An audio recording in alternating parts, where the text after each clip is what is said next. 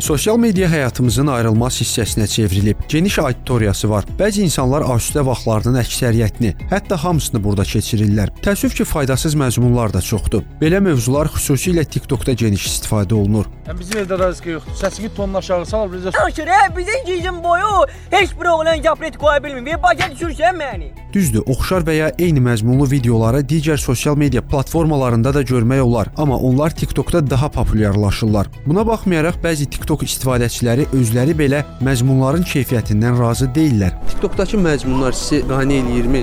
Hə, bəziləri, hə, bəziləri yox. Bir də görsə səhifədə elə bir şey çıxır ki, yəni özümüz yəni baxırıq ki, bu lazımsız bir şeydir. Bir hərdən də məsələn maarifləndirici bir şeylər olur. Va vəbşi var, elə bir bəyəniləsi bir şey var ki, yoxdur. Bunun uşaq da baxır, böyük də baxır, onun cavan da baxır, qoca da baxır. Elə şey var ki, vəbşi bəyəniləsi deyil. İşte deyiləsi də deyil. Xoşumuza gəlməyən şeylər, videolar paylaşılır, bəli. Məsələn, nələr paylaşılır? Elə söyüş, uşağa aid olmayan sözlər, təhqir, nə bilim, çox şeylər. Xoşun gəlməyən nəsə paylaşırlar TikTokda. Mənə qarşıma indiyə kimi elə bir şey çıxmayıb. Amma məncə paylaşa bilərlər. Yəni Nə qədər vaxt keçirirsiniz təxminən TikTokda? Nə, boş olan vaxtları səhərə kimi yatmıram.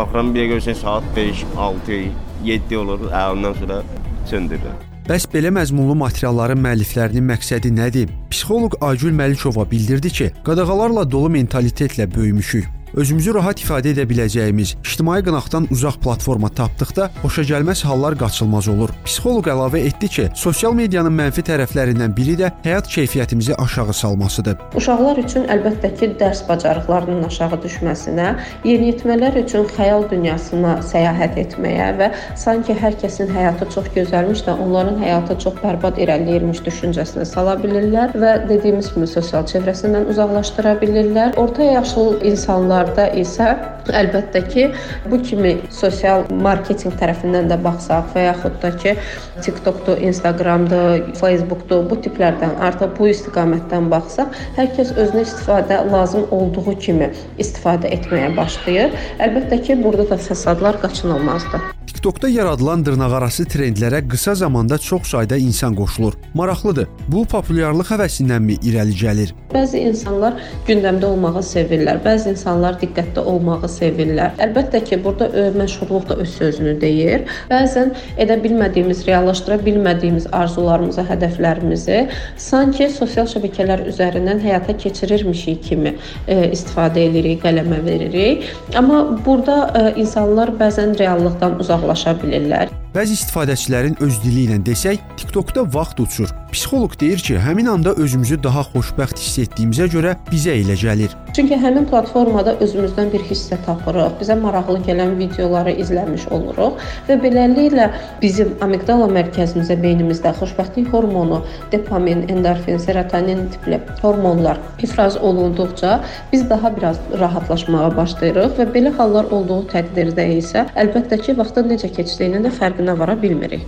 TikTokda təhqir, aqressiya, söyüş, qeyri-əxlaqi hərəkətlərə, hətta narkotik satışına da rast gəlmək olar. Bəzi şəxslər elə düşünürlər ki, sosial mediada onların qaydaları işləyir. E, gəlib burada bizə nəyizə konxurdalıysan, hə? Bizim yaşayışımıza bəllisən ki, sən bilirsən biz kimik? Lakin vəkil Oqtay Məhərrəmov bildirdi ki, böhtan və təhqir internetdə edildikdə də cinayət məsuliyyəti yaradır. Bu əməllər 1500 manatadək miqdarda cərimə, 480 saatadək müddətdə ictimai işlər və ya 1 ilədək islah işləri və ya 6 aydək azadlıqdan məhrum etmə ilə cəzalandırılır. Əgər internetdə böhtan atma və təhqir etmə, saxta istifadəçi adı, profil və hesablarından istifadə edərək edilirsə, bu əməllər daha sərt cəzalandırılır. Eyni zamanda böhtan və təhqirə görə şərəf, ləyaqət və işgüzar nüfuzun müdafiəsi məqsədi ilə mülki qaydada məhkəmələrdə mülki iddia qaldırıla və təzminat tələb edilə bilər. TikTokdan qazanc əldə edənlər də var, digərlərindən pul istəyənlər də. Bir dənə şir partlat burada 7 dənə olar ki, dənə.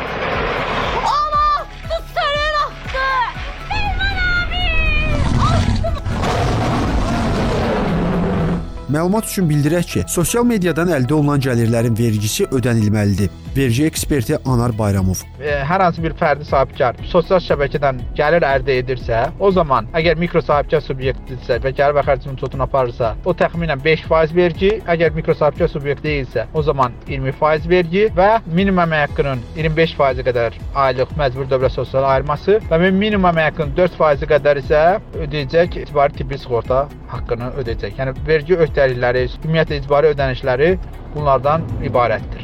Sosial media mütəxəssisi Asim Cəlilov bildirdi ki, TikTokdan düzgün istifadə etməklə faydalanmaq olar. Onu deyim ki, yəni bizdə belə bir ə, algı formalaşıb ki, yəni TikTok səviyyəsiz bir platformadır. Elə bir şey yoxdur, yəni TikTokun yaratdığı fürsətlər var, yəni o fürsətlərdən kifayət qədər istifadə etmək lazımdır. Materiallar daha çoxdur, nəinki ciddi, amma bu ilə yanaşı demək olar ki, bütün xəbər saytlarının, şirkətlərin TikTok hesabları var. Hətta prezidentin belə məlumatları, seçki öncəsi məlumatları TikTok üzərindən kifayət qədər çox paylaşılır. Yəni bu platformanın imkanları, potensialı çox böyükdür və bundan doğru şəkildə istifadə edəndə kifayət qədər böyük nəticələr əldə etmək olur. Ona görə düşünürəm ki, son dövrlər müzakirə olunan məsələlərdən biri bir də budur ki, TikTok'u bağlamaq lazımdır. Oradan qeyri dəqiq məlumatlar paylaşılır və ilaxır və s. Ona görə də düşünürəm ki, media qurumları, dövlət, hətta dövlət qurumları da belə TikTokda kifayət qədər aktiv olmalıdırlar və TikTokun potensialından istifadə edərək öz məlumatlarını, dəqiq informasiyanı onun üzərindən çatdırmalıdırlar. Kifayət qədər böyük auditoriya çata bilərlər. Ona görə də tək bağlamaq çıxış yolu deyil.